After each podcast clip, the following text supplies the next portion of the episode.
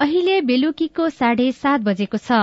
सामुदायिक सूचना नेटवर्क सीआईएनबाट अब प्रसारण हुँदैछ साझा खबर।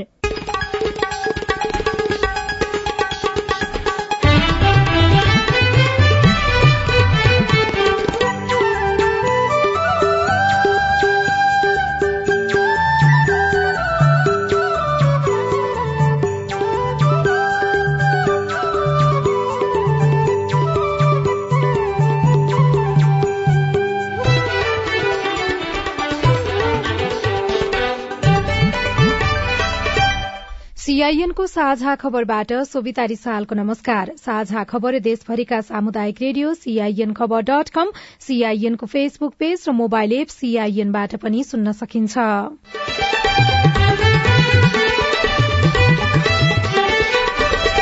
सात दल सहित एक सय उनासत्तरी सांसदको समर्थनमा माओवादी अध्यक्ष प्रचण्ड नयाँ प्रधानमन्त्री नियुक्त शपथ ग्रहण भोलि दोहोका भएको कांग्रेसको ठहर। प्रतिपक्षमै बसेर हामीले हाम्रो भूमिका निर्वाह गर्ने। होइन त्यसको बारेमा त अब अरू समीक्षा हुन बाँकी नै छ। र समीक्षा पछि नै हामी थप कुरा भनौला। संघसँगै प्रदेशमा पनि सरकार गठनको समीकरण फेरियो। कांग्रेससँगै लोसपा र एकीकृत समाजवादी सरकार बाहिर रहने तर सहमतिमा ल्याउन कोशिश गरिँदै। हाम्रो यो सरकारमा सहभागी हुँदैन। अब जस्तो परिस्थिति आउँछ त्यस्तै सामना गर्छौं। तर सरकारमा चाहिँ यसपालि सहभागी हुँदैन हाम्रो। चार प्रतिशत बालबालिकाले नियमित खोप लगाउन पाएनन्। कोरोना फैलन नदिन सार्वजनिक स्थलमा मास्क अनिवार्य लगाउन सरकारको अनुरोध। बालबालिका कोरोना विरूद्धको खोप पर्खिँदै। पहिलो डोज लगाइसक्नु भएको छ र बिचमा बिरामी परेर लगाउनु भएन भने त्यसमा चिन्ता मान्नु पर्दैन। तपाईँ बाह्र वर्षभन्दा मुनि हुनुहुन्छ भने त्यो खोप अलिक सजिलै उपलब्ध होला। र चीनको सिन्जियाङ क्षेत्रमा सुन खानी भत्किँदा अठार जना पुरिए नेपाल टी ट्वेन्टी लीगमा लुम्बिनी र जनकपुरको जित।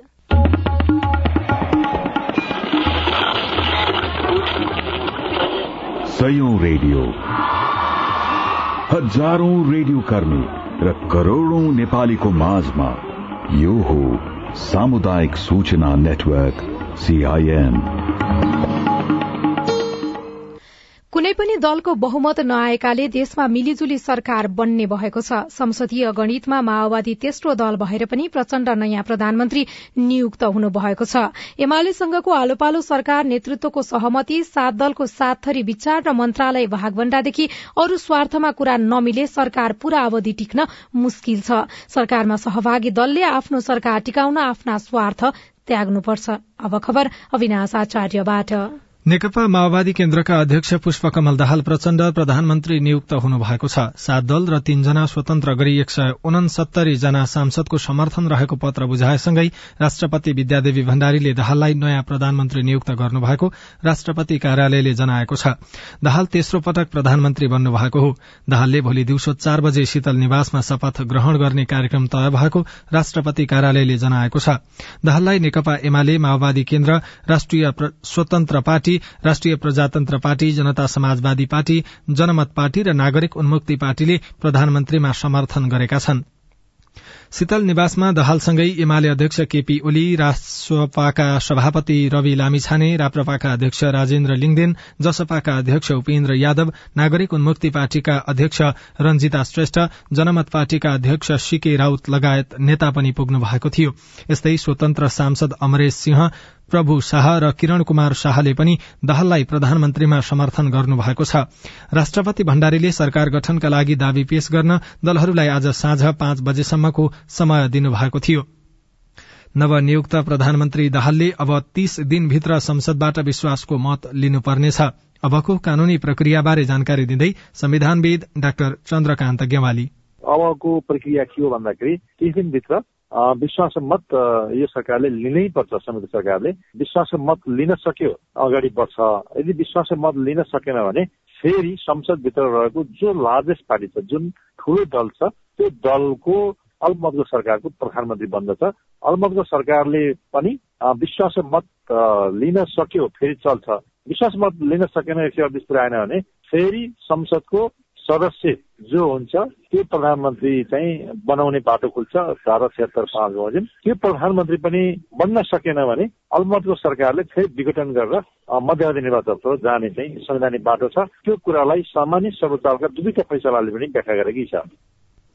गत मंगिर चार गते भएको निर्वाचनबाट बत्तीस सीट सहित तेस्रो ठूलो दल बनेको माओवादी केन्द्रका अध्यक्ष दाहाल निकै रस्साकस्सीपछि आफ्नो पक्षमा बहुमत जुटाउन सफल हुनुभएको हो। नेपाली कांग्रेससँग सरकार बनाउने सहमति जुटेपछि दाहाल सहितका नेता आज दिउँसो एमाले अध्यक्ष केपी शर्मा ओलीको निवास बालकोट पुगेर छलफल गरेका थिए। साथै दलका शीर्ष नेताहरू सहितको छलफलपछि दाहाल र ओली बीच आधा आधा कार्यकाल प्रधानमन्त्री बन्ने सहमति भएको छ। यस्तै राष्ट्रपति र सभामुख एमाले पाउने भद्र सहमति भएको छ।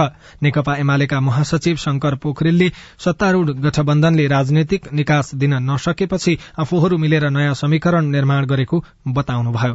चुनावबाट पहिलो दल बन्न पुगेको नेपाली कांग्रेसले दुई अन्तर्गतको सरकार गठनका लागि आवश्यक समर्थन जुटाउन असमर्थ भएपछि उसको रुचि तीन अन्तर्गतको सरकार गठन गर्ने तर्फ केन्द्रित भएको हो कि भन्ने बुझाइका आधारमा।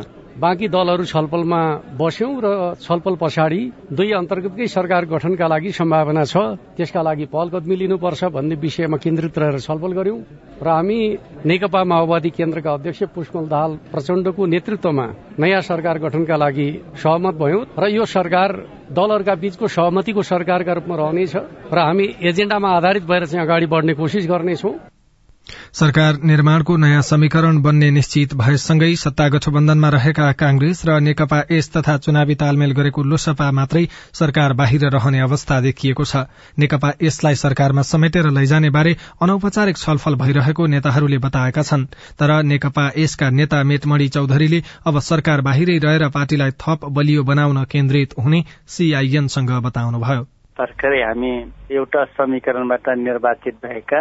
फेरि पनि अर्को समीकरणमा जाँदा जुन राजनीतिक दलमा एक खालको धेरै नैतिकता भन्ने चिज हुँदैन भन्ने थियो त्यसलाई फेरि यसले प्रमाणित गरेको छ। त्यसै कम्तीमा हामी राजनीतिलाई अलि संस्कारयुक्त नैतिकवान चरित्रवान बनाउनु पर्छ भन्ने उद्देश्यले अब हाम्रो यो सरकारमा सहभागी हुँदैन।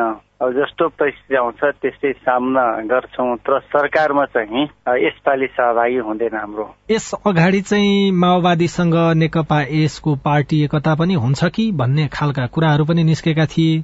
अब यो समीकरण पछि त फेरि त्यो सम्भावना पनि देखिएन।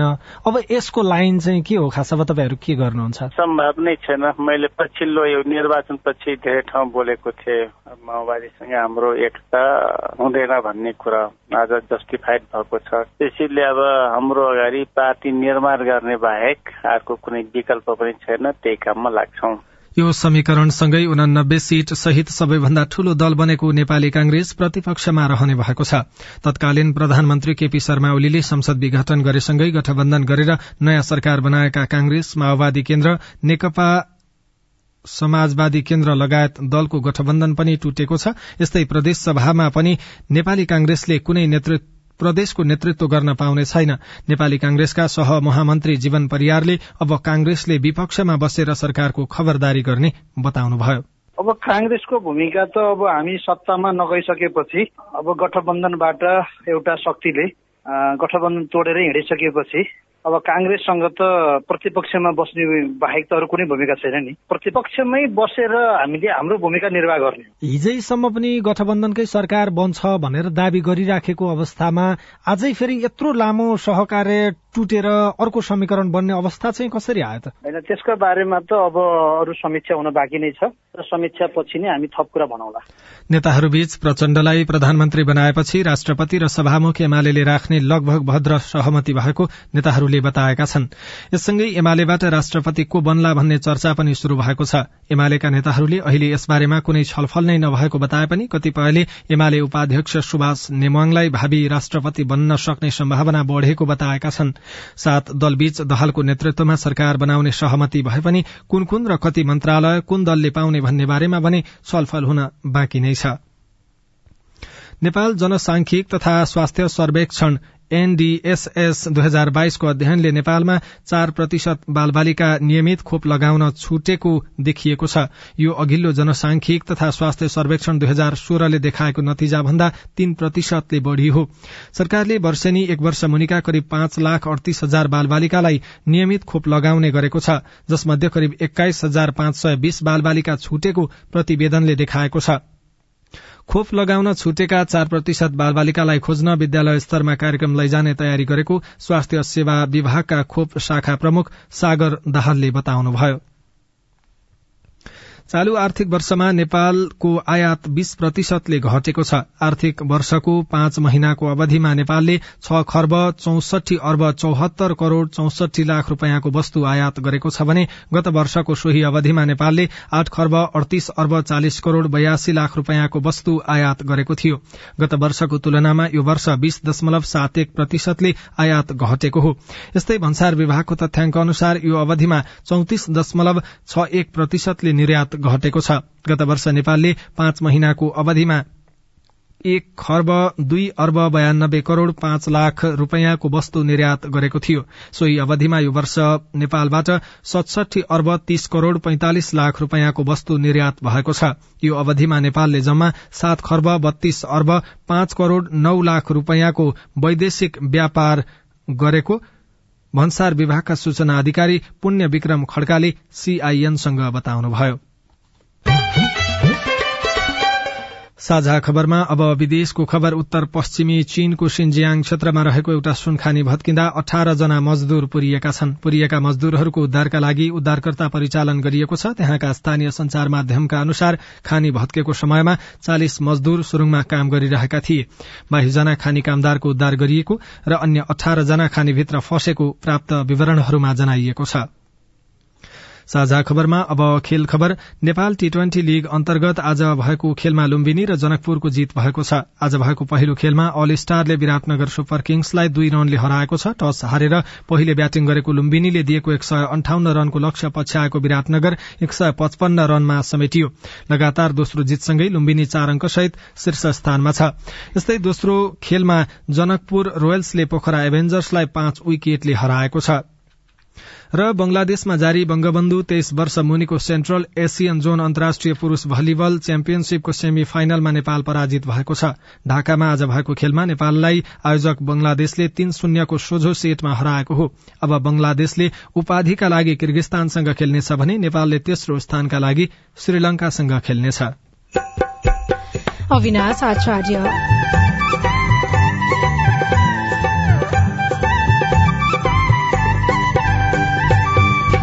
पाल्पामा परम्परागत तालचाको प्रयोग घट्यो। पालपाली ढाका पालपाली करुवालाई जसरी हामीले संरक्षण गरिरहेका छौँ त्यस्तै गरी चापीलाई बङ्गलादेशकाली गाउँपालिका सरकारले कम्तीमा प्रत्येकका घरका ढोकामा चापी त्यही लगाउने त्यसको लागि केही अनुदान दिने। स्थानीय उत्पादनलाई प्राथमिकता दिन माग रिपोर्ट। कोरोना खोपबारे बालबालिकाको प्रश्नमा बिकिएको जवाफ विशेष श्रृंखला हाम्रो पालो। लगायतका सामग्री बाँकी नै छन्। सीआईएनको साझा खबर सुन्दै गर्नुहोला। बालबालिकालाई लगाउँदै गरेको खोपमा चाहिँ बालबालिकाहरू कहाँ गएर लगाउनु पर्ने र खोप लगाउन जाँदा के के लिएर जानु पर्ने त्यसबारे बताइदिनुहोस् न। मेरो जिज्ञासा के छ भनेपछि हामी विद्यार्थीहरू एकदमै जोखिममा छौँ तर पनि हामीहरूले समयमा खोप उपलब्ध हुन सकेको छैन। कोभिड बारे तपाईँको चासो अब हाम्रो पालोमा। कोभिडसँग जोडिएका थुप्रै बालबालिका तथा युवाहरूका प्रश्न र सरकारवालाको जवाब सहित हरेक आइतबार साँझको साझा खबरमा प्रस्तुत भइरहेको छ हाम्रो पालो। तपाईँलाई लागेको विषयमा हाम्रो आइभीआर नम्बर शून्य एक बान्न साठी छ चार छमा प्रश्न गुनासो तथा प्रतिक्रिया रेकर्ड गराउनुहोला। सरोकारवाला निकायको जवाब सहितको हाम्रो पालो देशभरिका सामुदायिक रेडियोमा प्रसारण भइरहेको छ। सामाजिक रूपान्तरणका लागि यो हो सामुदायिक सूचना नेटवर्क सीआईएन तपाई सामुदायिक सूचना नेटवर्क सीआईएनले तयार पारेको साझा खबर सुन्दै हुनुहुन्छ। स्वास्थ्य तथा जनसंख्या मन्त्रालयले सार्वजनिक स्थलमा अनिवार्य रूपमा मास्क लगाउन अनुरोध गरेको छ। छिमेकी देशमा कोरोना भाइरसको नयाँ भेरिएन्ट बीएफ सातको संक्रमण बढ़दै गएको भन्दै मास्क लगाउन मन्त्रालयले आग्रह गरेको हो। यसै गरी मन्त्रालयले भौतिक दूरी समेत कायम गर्न पनि आग्रह गरेको छ।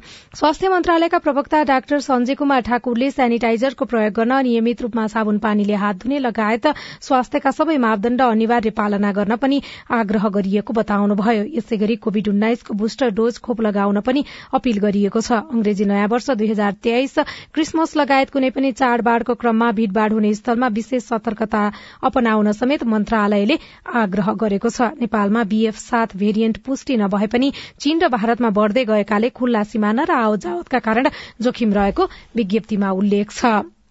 एमाले नेतृत्वको नयाँ गठबन्धनले केन्द्र सहित सातवटै प्रदेशमा सरकार गठनका लागि आवश्यक बहुमत जुटाउने देखिएको छ। संघीय गठबन्धनमा रहेका दल एक ठाउँमा उभिँदा प्रदेशमा पनि एमाले गठबन्धनमा नै सामेल भएका सरकार बन्ने निश्चित देखिएको हो। प्रतिनिधि सभाको सबैभन्दा ठूलो दल नेपाली कांग्रेस सहित एकीकृत समाजवादी पार्टी लोकतान्त्रिक समाजवादी पार्टी राष्ट्रिय जनमोर्चा र नेपाल मजदूर किसान पार्टी बाहेक सबै दलले गठबन्धन गरेर केन्द्र र सातै प्रदेशमा सरकार बनाउन सक्ने देखिएको छ। केन्द्रमा एमाले माओवादी केन्द्र राष्ट्रिय स्वतन्त्र पार्टी राष्ट्रिय प्रजातन्त्र पार्टी जनता समाजवादी पार्टी जनमत पार्टी नागरिक उन्मुक्ति पार्टी र तीन स्वतन्त्र सांसद समेत गरी एक सय उनासत्तरी सांसदको गठबन्धन बनेको हुँदा प्रदेशमा पनि सोही अनुसार गठबन्धन देखिने सम्भावना बढ़ेको छ। घरलाई सुरक्षित बनाउन ताला चाबीको प्रयोग गर्ने पुरानो चलन हो। अहिले बजारमा पचास रूपियाँदेखि लाखसम्मका ताला चाबी पाइन्छन्। आधुनिक ताला चाबीको प्रयोग गर्दा पाल्पामा भने बगनासे साँचो ओझेलमा परेको छ। पाल्पाको बगनास गाउँमा बनाइने भएका कारण ताला चाबी अर्थात साँचोको नाम नै बगनासे साँचो राखिएको हो। जानकारहरूका अनुसार बगनास गाउँमा दुई हजार बाह्र सालदेखि बगनासे साँचो निर्माण गर्न थालिएको हो। पाल्पा बगनास कालिका दयाराज नेउपाने इतिहासका हिसाबले पनि धेरै पुरानो बलियो चाबी मानिन्छ। यसको संरक्षण गर्ने भनेको हामीले पालपाली ढाका पालपाली करुवालाई जसरी हामीले संरक्षण गरिरहेका छौँ त्यस्तै गरी चापीलाई बगनास काली गाउँपालिका सरकारले कम्तीमा प्रत्येकका घरका ढोकामा चापी त्यही लगाउने त्यसको लागि केही अनुदान दिने सिपको हस्तान्तरण गर्ने र सिपको लागि तालिम व्यवस्था गर्ने र विदेशबाट बाहिरबाट अरू जिल्लाबाट आएका पाहुनाहरूलाई पनि कम्तीमा चाबीको बारेमा प्रचार गरेर गिफ्ट दिने। घरको ढोका बाकस दराज लगायतमा प्रयोग हुने बगनासे साँचो अन्यका तुलनामा बलियो मानिन्छ। सुरक्षित हुने भएकाले देशका अन्य जिल्लामा समेत पालपाली बगनासे साँचोको माग हुने गरेको थियो। र यो साँचो चाहिँ पछिल्लो समय प्रयोग त हुन कम भइसक्यो नै लोपै हुने अवस्था भइसकेको छ। सत्तरी वर्षका शिव विश्वकर्मका अनुसार उहाँ सहित बगनासकाली गाउँपालिका वडा नम्बर नौ बगनासका आठ दस घर परिवारले व्यावसायिक रूपमा साँचो बनाउँदै आएका थिए। तर अहिले साँचोको माग घट्दा उनीहरूको पेसा नै परिवर्तन गरेका छन्। बनाउन धेरै दुःख छ। अहिले केटाहरूले बनाउन चाहिँ धेरै उ गर्दैनन्। अब कम पैसा पर्ने त्यही भएर चाहिँ नि बनाउन चाहिँ नि कोसिस गर्दैनन्। यसो बजेटहरू अलिक पर्ने यताउता भएमा बनाउँथे स्थानीय आरनबाट दैनिक पचासवटासम्म साँचो बनाएर निर्यात गर्ने गरिएकोमा अहिले गाउँमै माग हुन छोडेको छ। बाही बजारबाट आउने साँचो प्रतिबन्ध गरेर स्थानीय उत्पादनलाई प्रोत्साहन गर्नुपर्ने माग आरन पेसामा लागेकाहरूको छ। बगनासकाली गाउँपालिका अध्यक्ष सरस्वती चिदी। बगनासकाली गाउँपालिका भित्र जति पनि सरकारी कार्यालयहरू छन् एउटा स्वास्थ्य चौकीदेखि लिएर विद्यालयहरू वडा कार्यालयहरूदेखि लिएर सबै गाउँपालिका लगायतका विभिन्न सहकारी संस्थाहरू विभिन्न कार्यालयहरू छन् ती सबै कार्यालयमा बगनासे साँचो प्रयोग गर्ने र गाउँपालिकाले पहिलो चरणमा गाउँपालिकाले चाहिँ खरिद गरेर त्यो वितरण गरिदिने र त्यसलाई त्यो प्रयोगको लागि सबैलाई हामीले आह्वान गर्ने र प्रचार प्रसार गरिदिने र त्यसको लागि थप अनुदान दिएर उहाँलाई निरन्तरता दिन के गर्न सकिन्छ भनेर आजकै बैठकबाट पनि हामीले एउटा निर्णय गरेका छौँ। लोप हुन थालेको बगनासे साँचोलाई पनि पालपाली ढाकालाई जस्तै प्रवर्धन गरेर लैजान सके घरेलु उद्यमशीलता जोगिने र बेरोजगारी घट्ने आरन व्यवसायहरू बताउँछन्। Bhuwan Raimajhi CIN radio Muktinath Palpa. साझा खबरमा अब हेलो सीआईएन सजना तिमल सिन्हाबाट। नमस्कार मेरो नाम नरेश रावत खप्तर छेडिया गाउँपालिका वडा नम्बर तीन बाजुरा। म प्रदेश तथा प्रतिनिधि सभाको निर्वाचनको बेलामा म्यादी प्रहरी भएको थिए। र म्यादीको बेला चुस्ता वितरण गर्ने क्रममा मलाई चुस्ता नपुगेकोले चुस्ता मिलेन तर पैसा सात हजार काटेको थियो। जिल्ला प्रहरी कार्यालय बाजुरामा नाम टिपाएको थियो। तर अहिलेसम्म पनि चुस्ता मिलेको छैन। अब मिल्छ कि मिल्दैन होला? जवाफ दिँदै हुनुहुन्छ जिल्ला प्रहरी कार्यालय बाजुराका प्रहरी निरीक्षक रविन्द्र कठायत। यो लेखा शाखाले डाइरेक्ट हेर्ने भएको हुनाले र हाम्रो नजरमा चाहिँ सबैले पाइसकेको भन्ने थियो। यदि त्यस्तो नपाएको हो भने के कति कारण रहेछ म पनि बुझाउँला। यदि नपाएको तर पैसा कटौती गरिएको हो भने त्यस्तो अवस्थामा चाहिँ पैसा उपलब्ध गराउन सकिने अवस्था पनि होला।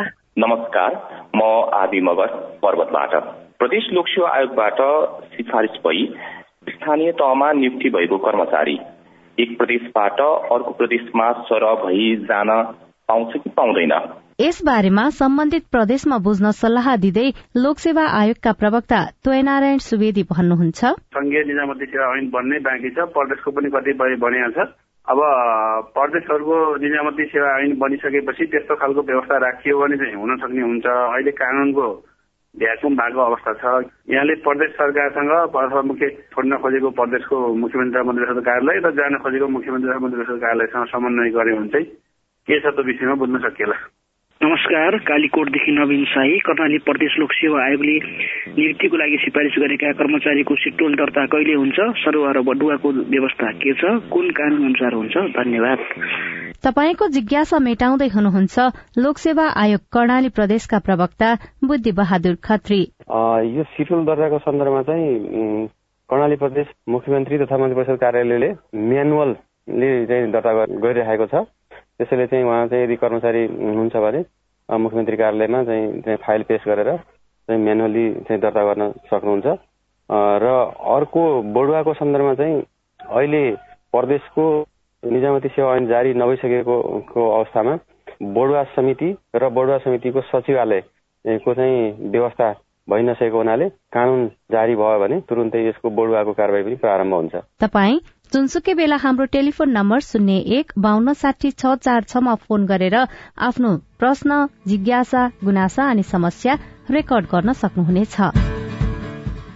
तपाई सामुदायिक सूचना नेटवर्क सीआईएनले काठमाण्डुमा तयार पारेको साझा खबर सुनिरहनु भएको छ। कोरोना विरूद्धको खोपको पर्खाईमा बालबालिका? हामी जस्ता बालबालिकाहरूको लागि चाहिँ बुस्टर डोज चाहिँ कहिले आउँछ र कसरी लाउन हामीले पाइन्छ पछिल्लो अवस्थामा बुस्टर खोप डोज नपाएको गुनासो सम्बन्धित निकायको जवाब सहितको हाम्रो पालो बाँकी नै छ। सीआईएनको साझा खबर सुन्दै गर्नुहोला। सीआईएनको साझा खबर अब नेपाली पात्रोमा पनि। स्थानीय राष्ट्रिय तथा अन्तर्राष्ट्रिय समाचार नेपाली एफएम तथा अनलाइन रेडियोहरू एकै ठाउँमा सुन्न तिथि मिथि तथा पञ्चाङ्ग सम्बन्धी सबै जानकारी लिन। अन्तर्राष्ट्रिय मुद्राको नेपाली विनिमय दर सुन चाँदीको दर भाव मौसम सम्बन्धी सूचना र सार्वजनिक विधा बारेको जानकारी लिन पनि। नेपाली पात्रो अब तपाईँको मोबाइलमा। नेपाल टेलिकमको सूचनाको संसार। होइन के सुनेको यस्तो ध्यान दिएर दोहोरो बोलेको जस्तो नै देख्दिन। तीन दुई एक शून्य शून्य क्या? तीन दुई एक शून्य शून्य? के हो त्यो भने? बुझिन त। ल सुन एनटिसी प्रयोगकर्ताहरूले आफ्नो मोबाइल तथा ल्यान्डलाइनमा तीन दुई एक शून्य शून्य डायल गरी समाचार रेडियो कार्यक्रम खेल र अन्य विषय बारे सन्देशहरू जुनसुकै बेला निशुल्क सुन्न सक्छन्। ओहो निशुल्क? कस्तो सजिलो। समाचार सुन्न छुट्यो भनेर पिर लागेको थियो। अब त म पनि सुनिहाल्छु। कति रे? तीन दुई एक शून्य शून्य। सामाजिक रूपान्तरणका लागि यो हो सामुदायिक सूचना नेटवर्क सीआईएन तपाई सामुदायिक सूचना नेटवर्क सीआईएनले काठमाडौँमा तयार पारेको साझा खबर सुन्दै हुनुहुन्छ। साझा खबरमा अब प्रस्तुत छ विशेष श्रृंखला हाम्रो पालो।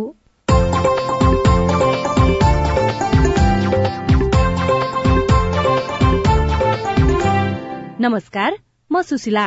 कार्यक्रम हाम्रो पालोमा हामी कोविड लगायत अन्य महाव्याधि वा विपदका समयमा बाल सुरक्षा बाल अधिकार शिक्षा स्वास्थ्य लगायत अन्य सरोकारका विषयमा बाल बालिका किशोर किशोरी र युवाहरूको सवाल लिँदै त्यसको उत्तर खोज्ने प्रयत्न गर्नेछौं। आज हामी हाम्रो पालोको अस्सीऔं खण्डमा छौं।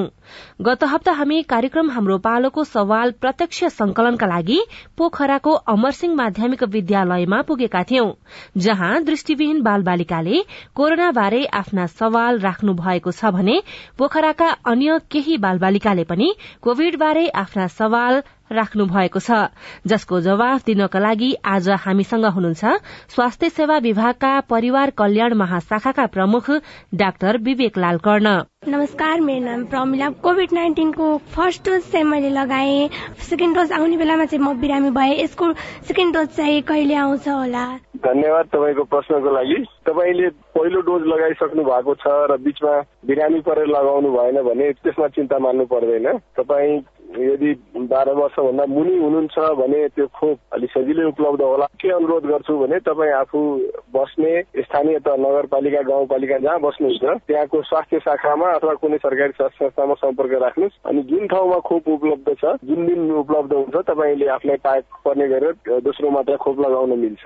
नमस्कार मेरो नाम रोज ज्येष्ठ नागरिकहरूले त खोप लगाइसक्नु भएको छ बुस्टर डोज होइन? तर हामी जस्ता बालबालिकाहरूको लागि चाहिँ बुस्टर डोज चाहिँ कहिले आउँछ र कसरी लाउन हामीले पाइन्छ पछिल्लो अवस्थामा त्यो हामीले थाहा पाउन पाएको भए हाम्रो मन सन्तुष्ट हुन्थ्यो भन्ने यो मेरो जिज्ञासा हो। सबैको जिज्ञासाको लागि धन्यवाद। अहिले नेपाल सरकारले बाह्र वर्षभन्दा बाह्र वर्ष वर्षभन्दा माथिका उमेर समूहको लागि तपाईँले दोस्रो मात्रा खोप लगाएको तिन महिना पुगिसकेको छ भने बुस्टर मात्रा खोप लगाउन सक्नुहुन्छ। बुस्टर यदि तपाईँले आफ्नै उसमा सम्पर्क राख्नुहोस् आफू बसोबास गर्ने स्थानीय तहमा अथवा त्यहाँ नजिकको स्वास्थ्य संस्थामा अनि उपलब्ध छ भने तुरुन्तै लगाउँदा हुन्छ नत्र भने थप खोपहरू केही दिनपछि आउँदैछ। त्यस बेला पनि तपाईँले सम्पर्क गरेर खोप लगाउन सक्नुहुन्छ। नमस्ते म विक्रम पोखरादेखि। मेरो प्रश्न चाहिँ के छ भन्दा हामीले कोभिडको अब आउने महामारीको लागि चाहिँ हामी कति तयार छौँ यसको लागि हाम्रो नीतिगत तहमादेखि लिएर विभिन्न तहमा चाहिँ यसको प्रभाव अथवा यसको रोकथामको लागि चाहिँ के कस्ता तयारीहरू छन्।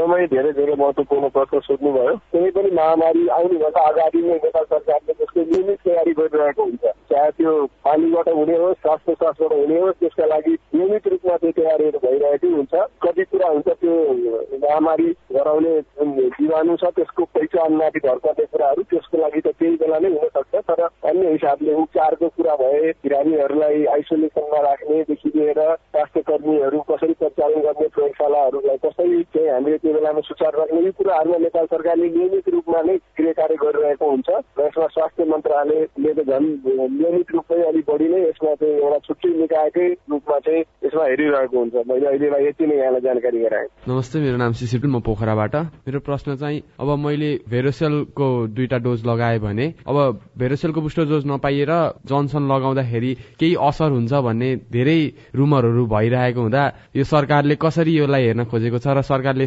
माध्यमबाट यो कुरालाई कसरी एड्रेस गर्न सक्छ? जहाँसम्म र्युमर अथवा मिथ्या कुराहरू भनौँ अथवा भ्रामक समाचारहरू छ म तपाईँ जस्ता सचेत व्यक्तिहरूलाई के अनुरोध गर्छौँ भने सबभन्दा पहिला हामी नेपाल सरकारको आधिकारिक निकायको सूचनाहरूमा भर परौँ। उदाहरणका लागि स्वास्थ्य मन्त्रालयले विज्ञप्तिहरू जारी गर्ने गर्छ स्वास्थ्य मन्त्रालयको फेसबुक भाइबर लगायतका चाहिँ सामाजिक सञ्जालहरूमा यस सम्बन्धी सूचनाहरू आउने गर्छ। त्यसमा नै यहाँले भर पर्नुहोस् भनेर अनुरोध गर्न चाहन्छु। अर्को नेपाल सरकार स्वास्थ्य तथा जनसङ्ख्या मन्त्रालयले विभिन्न हेल्पलाइन नम्बरहरू पनि समय समयमा सञ्चालन गरेको छ अहिले पनि छ। यहाँहरूले त्यहाँ पनि सम्पर्क गरेर आफूलाई जान्न लागेको विषयमा अथवा कुनै दुविधा भएको विषयमा जानकारी लिन सक्नुहुन्छ। उदाहरणको लागि अहिले जुन भेरोसेलको कुरा गर्दै हुनुहुन्छ नेपाल सरकारले भेरोसेल खोपलाई बुस्टरको रूपमा अहिले दिएको छैन र यो सबै वैज्ञानिक प्रमाण र तथ्यहरूको आधारमा हो। त्यही भएर यदि तपाईँले जोन्सन बुस्टरको रूपमा लगाउनु भएको छ भने धेरै राम्रो पहिलो मात्रा बुस्टर लगाएको तीन महिनापछि तपाईँ दोस्रो मात्रा बुस्टरको लागि पनि योग्य ठहरिनुहुन्छ नेपाल सरकारले अहिलेलाई पचपन्न वर्ष र त्योभन्दा माथिको व्यक्तिहरू रोग प्रतिरोधी क्षमता कम भएका व्यक्ति र स्वास्थ्य कर्मीको लागि पहिलो चरणमा दोस्रो मात्रा बुस्टर पनि खोलेको छ भने क्रमशः बाह्र वर्षभन्दा माथिका सबैलाई बुस्टर दिइने योजना रहेको छ। नमस्कार मेरो नाम आयुषा अनि मेरो प्रश्न रहेको छ कोभिडको बेलामा मेरो साथीको चाहिँ बुवाको कोभिडको उपचारको क्रममा मृत्यु भयो। लगभग पन्ध्र बिस लाख जति उहाँहरूको ऋण छ। अब बाह्र कक्षामा पढ्ने विद्यार्थी बाबाको ऋण छ ब्याङ्कले उसलाई तिर भन्छ। त्यसको कुनै उपाय छ कि सायद उसले आफैले नै अब जीवनभर त्यही ऋण तिरेर बस्नुपर्ने हो कि उसको जीवनमा ऊ अगाडि बढ्न सक्छ? मेरो प्रश्न यति नै हो। धन्यवाद। यहाँले सोधेको प्रश्न सामाजिक सुरक्षासँग जोडिएको प्रश्न हो। उपचारमा जसको बिमाहरू भएको थियो बिमा बापतको रकम मैले बुझेसम्म नेपाल सरकारले क्रमशः चाहिँ व्यक्तिहरूलाई दिँदैछ तर ऋण नै कसरी त्यसलाई चाहिँ पुरै बिना गर्ने सम्बन्धी कुराको बारेमा मभन्दा पनि तपाईँले आफ्नो साथी स्थानीय तहमा बस्नुहुन्छ। त्यो स्थानीय तहमा त्यहाँका निर्वाचित जनप्रतिनिधिहरूसँग एकचोटि सम्पर्क राख्न र उहाँहरू मार्फत त्यसमा केही सहयोग हुन सक्छ कि भनेर एकचोटि चाहिँ बुझ्नको लागि अनुरोध गर्छु। धन्यवाद। स्वास्थ्य सेवा विभागका परिवार कल्याण महाशाखाका प्रमुख डाक्टर विवेक लाल कर्णलाई। कोविड उन्नाइस बारे रमाइलो अडियो खेल खेल्न एनटीसीको पैसा नलाग्ने फोन नम्बर तीन दुई एक शून्य शून्यमा फोन गरौं है। अनि तपाईँका प्रश्न तथा जिज्ञासाको लागि तपाईँको आवाज रेकर्ड हुने आइभीआर नम्बर शून्य एक बान्न साठी छ चार छमा फोन गरेर प्रश्न तथा जिज्ञासा र विचार रेकर्ड गराउनुहोला। अर्को हप्ता प्रश्नको उत्तर खोजौला। साझा खबरमा हाम्रो पालो आजलाई यति। अब पालो। सात दल सहित एक सय उनासत्तरी सांसदको समर्थनमा माओवादी केन्द्रका अध्यक्ष पुष्पकमल दाहाल प्रचण्ड नयाँ प्रधानमन्त्री नियुक्त हुनुभएको छ। शपथ ग्रहण भोलि हुँदैछ। गठबन्धनबाट धोका भएको नेपाली कंग्रेसले ठहर गरेको छ। सँगसँगै प्रदेशमा पनि सरकार गठनको समीकरण फेरिने भएको छ। कांग्रेससँगै लोकसभा र एकीकृत समाजवादी सरकारबाट बाहिर रहने भएका छन् तर एकीकृत समाजवादीलाई सहमतिमा ल्याउन कोशिश गरिँदैछ। र नेपाल टी ट्वेन्टी लीगमा लुम्बिनी र जनकपुर विजयी भएका छन्। हवस् त आजलाई साझा खबरको समय सकियो। प्राविधिक साथी सुरेन्द्र सिंहलाई धन्यवाद। भोलि पुस एघार गते बिहान छ बजेको साझा खबरमा फेरि भेटौँला। अहिलेलाई सोभिता रिसाल पनि विदा हुन्छु। नमस्कार शुभरात्री।